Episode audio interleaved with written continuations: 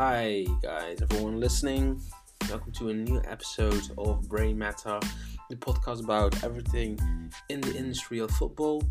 Uh, my name is Mark, and today I'm going to talk about something a little bit different about academy teams, the under 21s and under 23s of a professional uh, club, and what is the relevance of those particular teams, and what what are the purposes of those teams and why some clubs employ them some clubs don't. So that's what it's all about. Welcome to a new episode of brain matter.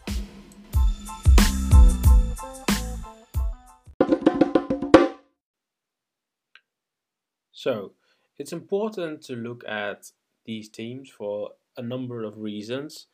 Um, it's important to shed light on how vital an under 21 or under 23 team is for the development of players, especially those that develop later than the curve might suggest.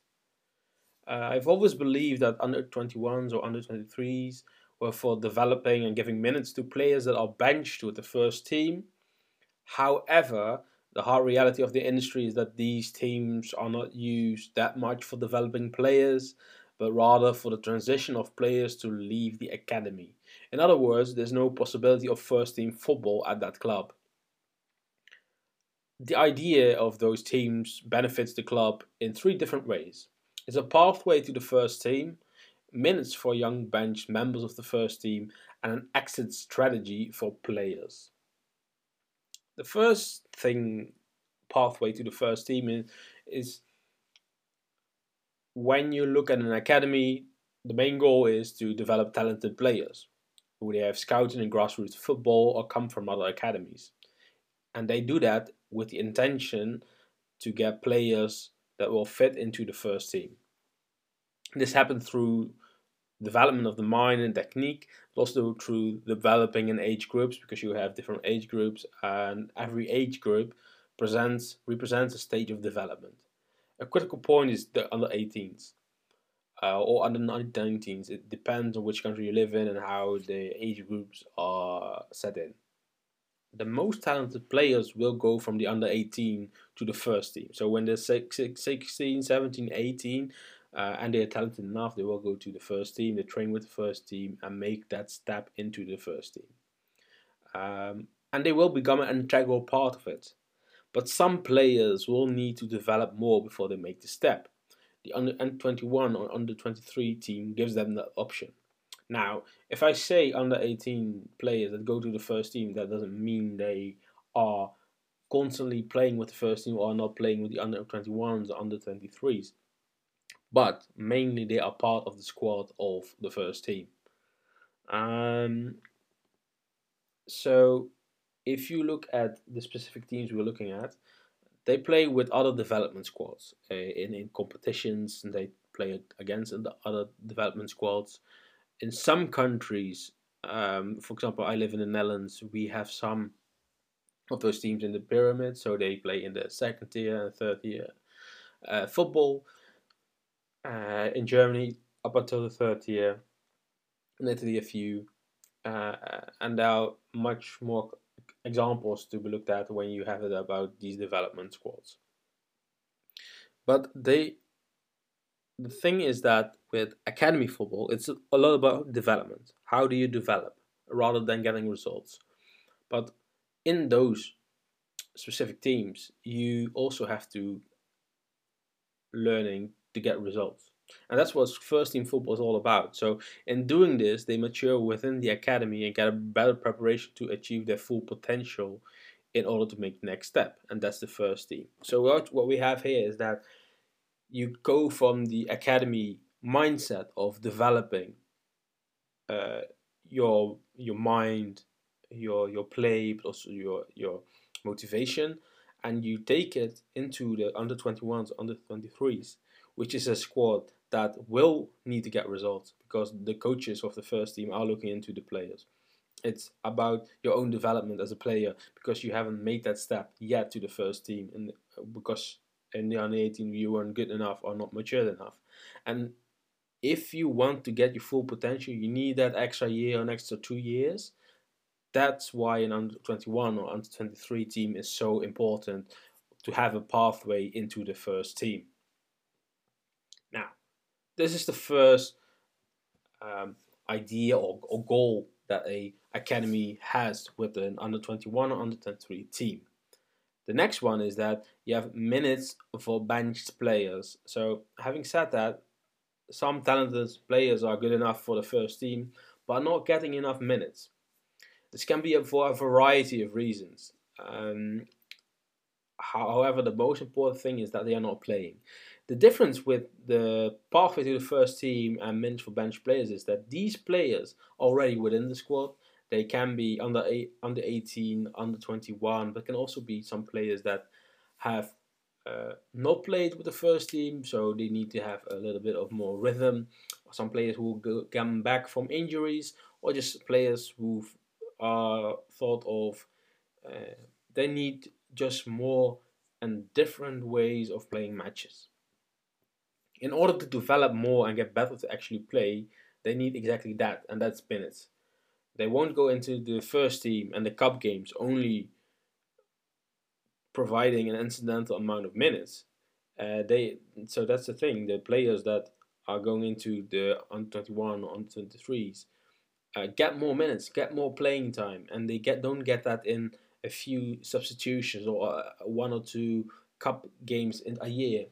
That's not uh, good for the player. It's not good for your development, and that development squad as an under 21 under 23 gives them that room to, progress and, and be more uh, important in the in the eventually for the um, the first team playing games for the under 23s for example gives them min- more minutes uh, to get more stable at a higher level and this raises the quality of the under 23s team as well which helps the other players in that squad develop even better and more into the quality that is provided and needed for the first team. So we are not only working about individual players getting better and getting back into the first team squad, but we're also talking about raising the standard of an under 23 team and making the transition from academy football to first team football smaller and that benefits players so that means that a first team can field more uh, academy players which is, is cheap in the end because you haven't bought them and you can sell them so uh, that's a good economic uh, point of view, but also it's very good for fans to see a local connection uh, taking up responsibility with youth players, academy players, and that that creates a recognizable identity for the club. But that's, that is a story for a whole another time. But this is the point of minutes for bench players. Now, if you look at the third goal of or reason why you should have an under 21 or under 23 team is that it provides an exit strategy for players and i think that's something we are not fully aware of in a whole as an industry so it's not all sunshine for players in the highest development squads so not every player is good enough for the academy and they need to look ahead so um, all players are good enough again enough for the first team. So, for example, if you take a player from Manchester United academy and you know he's not going to make the first team, so he won't get a call up from the under 18s to the first team.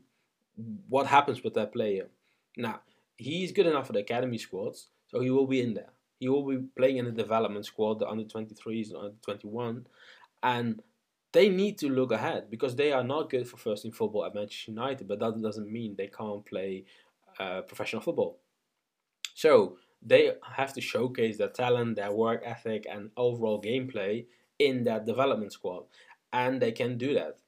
How are they doing that? Are they going to other academies? Or are they looking for other clubs? So are they straightly going into first team football, or are they going to a, a, a club with an academy that has an, a different grade, a different quality, uh, which provides them more incentive and more success rate to go to in a first team football. For those players that need to showcase themselves, an under 23 team or an under 21 team is vital. For first team coaches and managers, the under 23s are huge important to the to the future of the club. And yes, you might be top now as a first team, but staying at the top is very difficult. So developing developing your squad is vital to stay on top. or to stay on a certain level. And in that sense, you should also provide an exit strategy for your players because in the end, uh, you have to take care of each and every player that is in your academy. Now, uh, someone on Twitter asked me a question uh, the under 21s and under 23s in other countries, how that does affect their development. And I think that's a good question to, to, to, to think about in the sense that why are, is it in some countries that the development squads are in the pyramid, in the football pyramid, and why some countries, so for example England, they are not in a professional pyramid or even in the pyramid themselves. Um, I think there are two things to to think about here. Uh, one is the obviously the supporters, the fans argument. So if you're a lower league football and you have to play against the development squad, that's not fair because all those players are within the academies. They are professional football. So, for example, if you play in the league League Two and you and you're facing a development squad of Manchester City, that will be unfair. Also, there is no soul behind that development squad because they are not a a, result based team in that sense because they have to develop themselves in order to be available for the first team. While that particular club in League Two will be fighting for every point for the soul of their club, and they are not paid paid in in, in ground uh, wages and stuff. So that argument I get uh, the physical uh, and emotional uh, part of the game uh, for supporters. But another way, and it's when we're looking at development of players, we often say that if a, a player is young, he needs to go on loan uh, with a League One, League Two team or Championship team. When we focusing on England, and they go on loan for one or two months or half a year or half a season or a year. And because they had need to mature in, in, in, in football. So what better way is than to have control of the situation about your training schedules and the way of play that for example manchester city do whilst also playing in a, a league where you can mature where you can play a typical football that is not taught in academy that's not taught in elite uh, level football and will will help you grow as a footballer and as a team to be more versatile, more diverse in in attacking and defending in the transition phases. And what a, it's not about only about the game; it's also about having characters on the pitch. It's about playing on on, on pitches that are not uh, completely uh, perfect, like it is high up the up the pyramid. So, in that sense, I think yes, it is good for the players to individually develop themselves. I don't think it's good for the leagues, as if we if people are to accept more development squads in League Two or for National League or League One, uh, you name it. I think something of the characteristics and the history of the football pyramid will be lost, and I also don't think that every development squad player knows what it means for the opposition to to play in that league. So I think that if you want to do that, you should very well educate your players and the teams about the situation. But that's that's just how I feel about it. But I do think that it will help individual players with a transition into first team football if whether it is that is at their parent club or they go on loan to another club or they are sold to another club. I do think it will benefit them in the in the long run.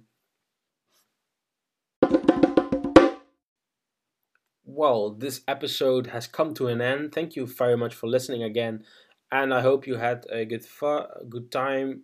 If you have any questions about uh, development squads or about this episode, feel free to hit me up on Twitter or to send me an email, whatever, about this episode. If you have any suggestions for next episodes, please let me know. And once again, thank you for listening, and I hope you have a great day and speak to you soon.